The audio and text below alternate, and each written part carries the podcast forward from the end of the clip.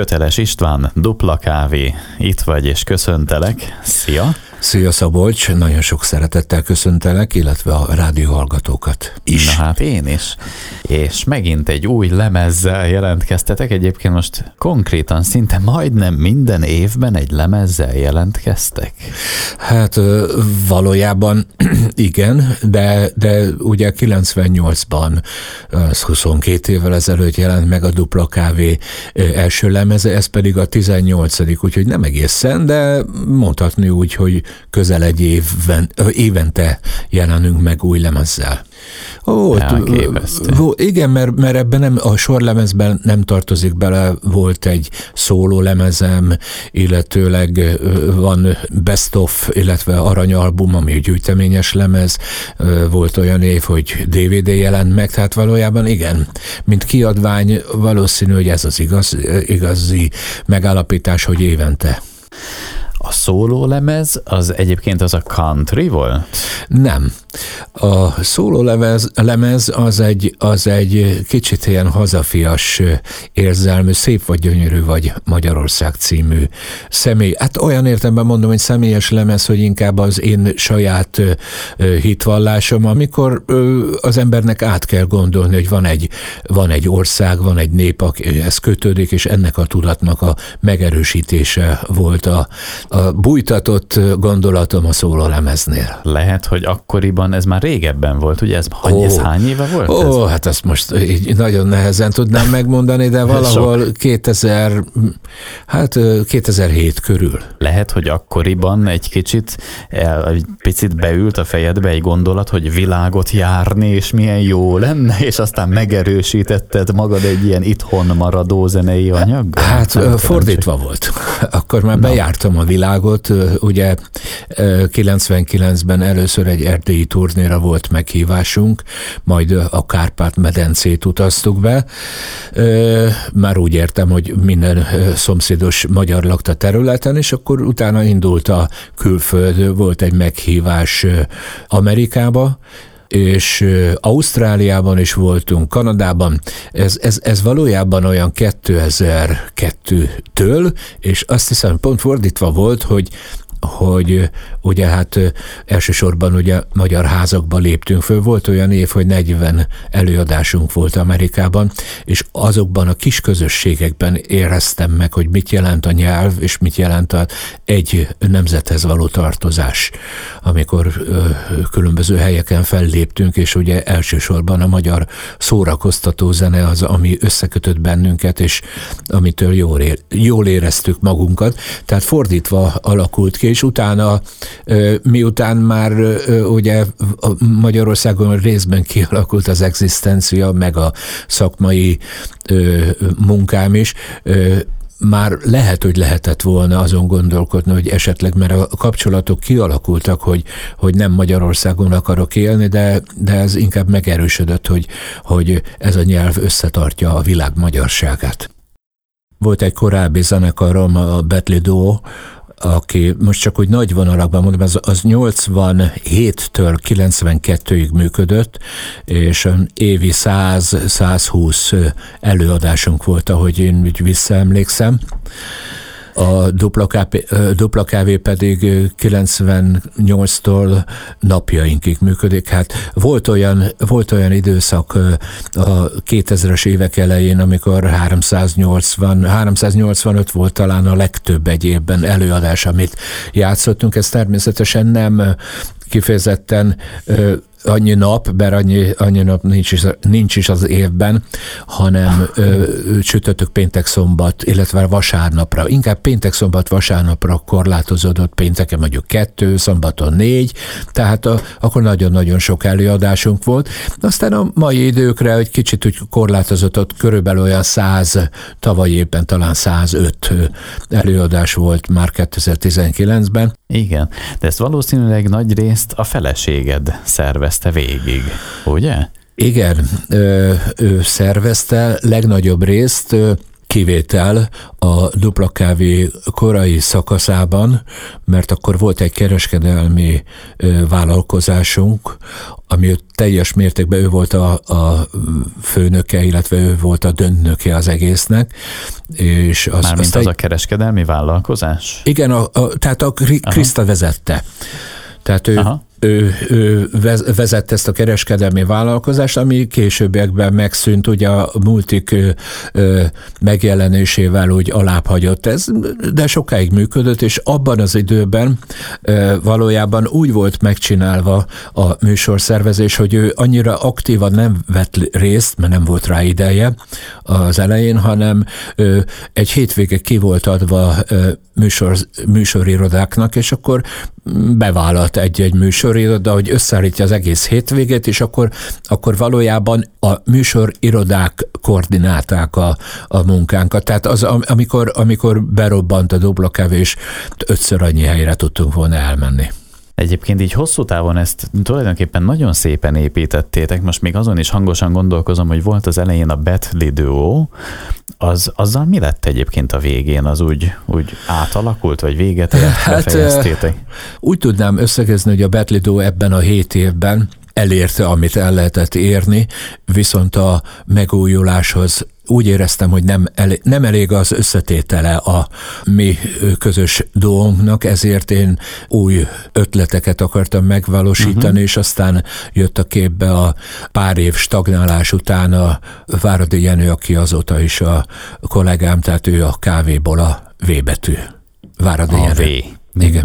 Váradi Jenő, igen. Na és egyébként menet közben az évtizedek alatt téged véletlenül nem ragadott el valami? Már úgy értem, hogy a siker, a pénz, a csillogás kapcsán nem botlottál meg, mondjuk, akkor kérdezem. Te ezt, ezt bizonyára nem nekem kellene fölrakni ezt a kérdést, hanem a körülöttem lévő emberek, akik a, a, azóta is ismernek, de a lelkismeretem alapján úgy gondolom, hogy nem.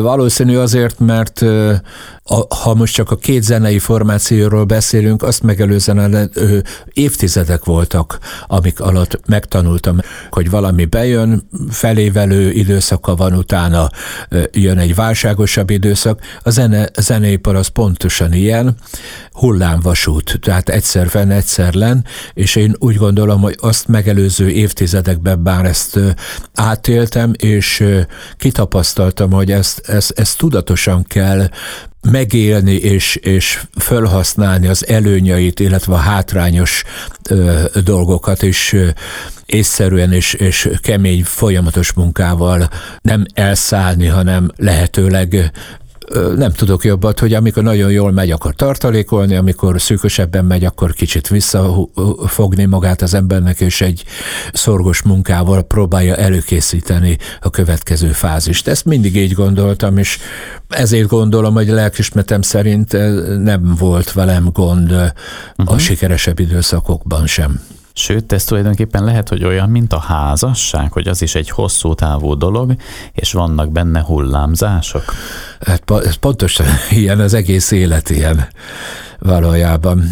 Hát persze, ugyanaz, ugyanaz alkalmazkodás, részben szerencse és közös gondolkodás, és hogy, hogy meg tudjuk beszélni minden szituációban a, az adott problémát. Pontosan olyan, meg mindenféle hát emberi kapcsolat.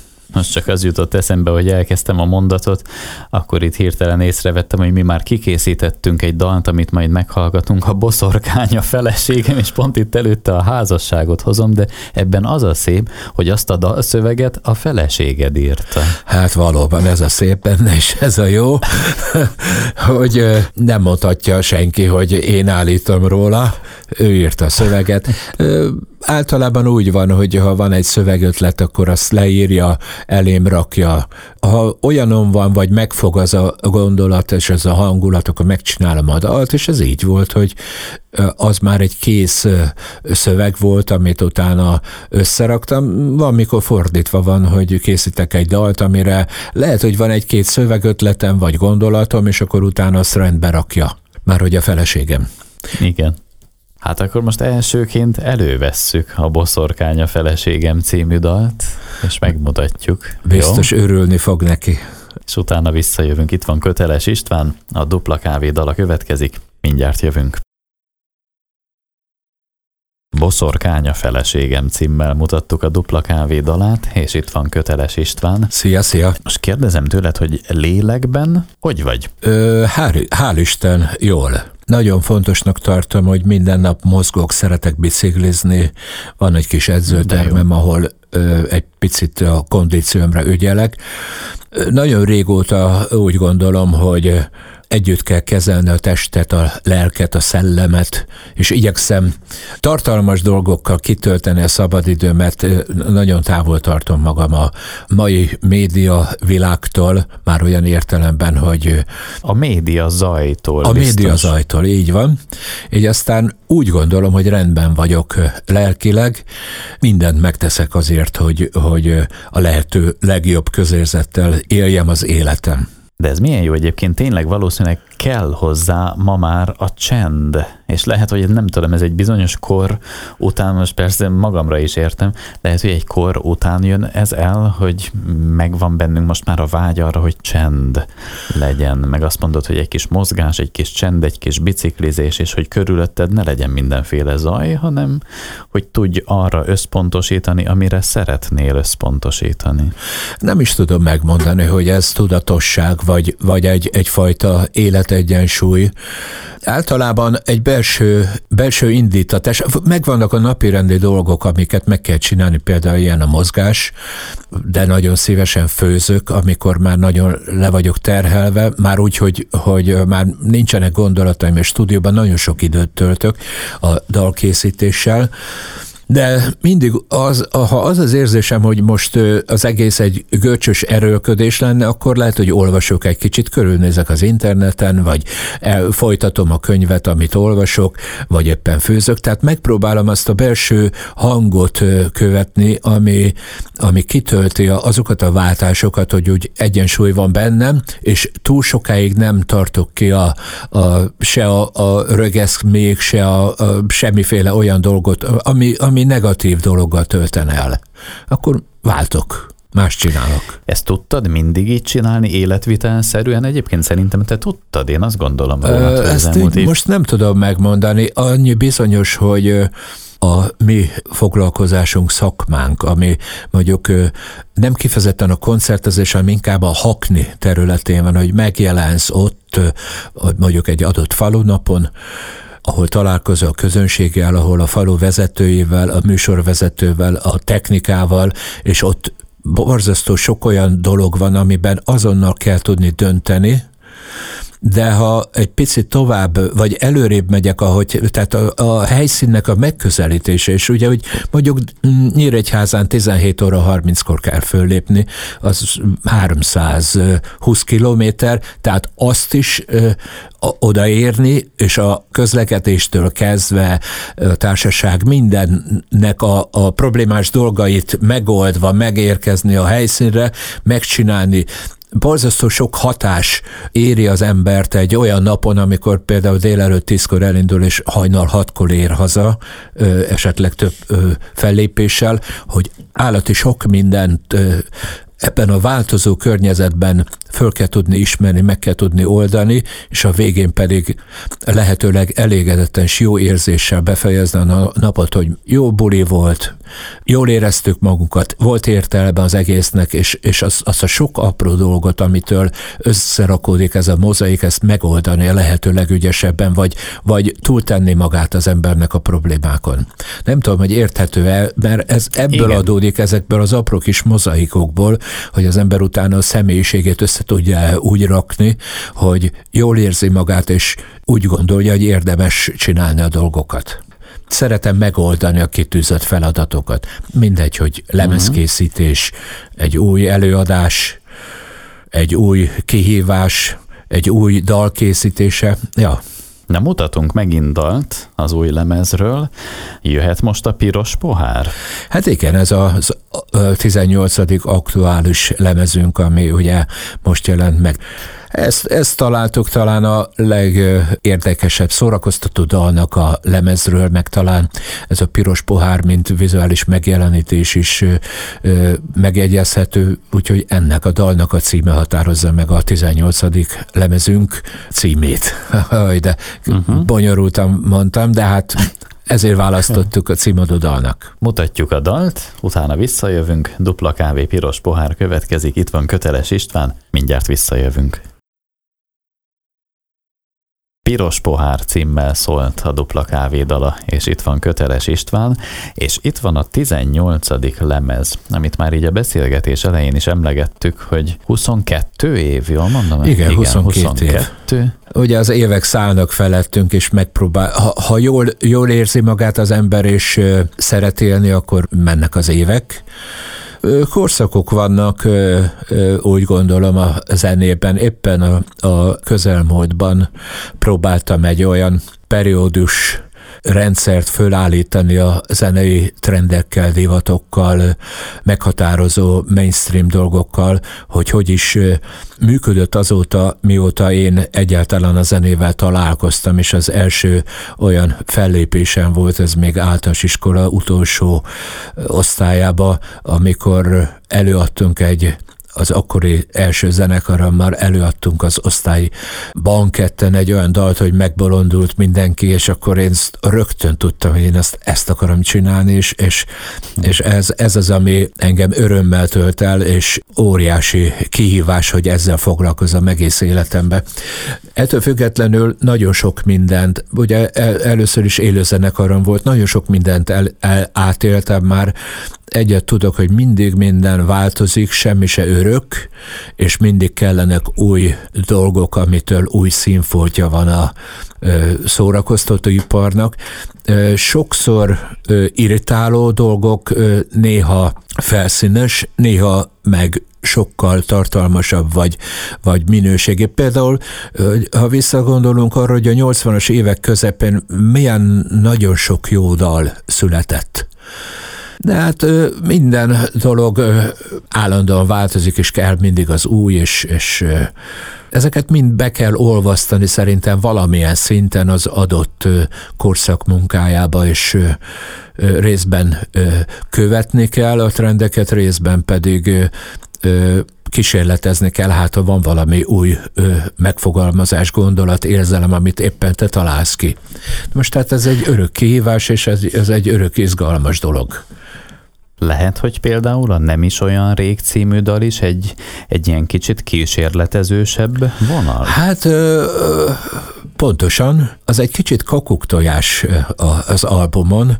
Egyrészt jamaikai regézene alapja van, de ugyanakkor azzal a fajta lüktetéssel, ami szerintem közel áll a magyar néplélekhez, talán van benne egy kis gondolatiság is, egy kicsit szokatlan is a dalban, úgy gondolom, hogy ez egy érdekes színfoltja az albumnak. Megmutatjuk. Jön a Nem is olyan rég című dal a Dupla Kávétól. Itt van Köteles István, utána visszajövünk még.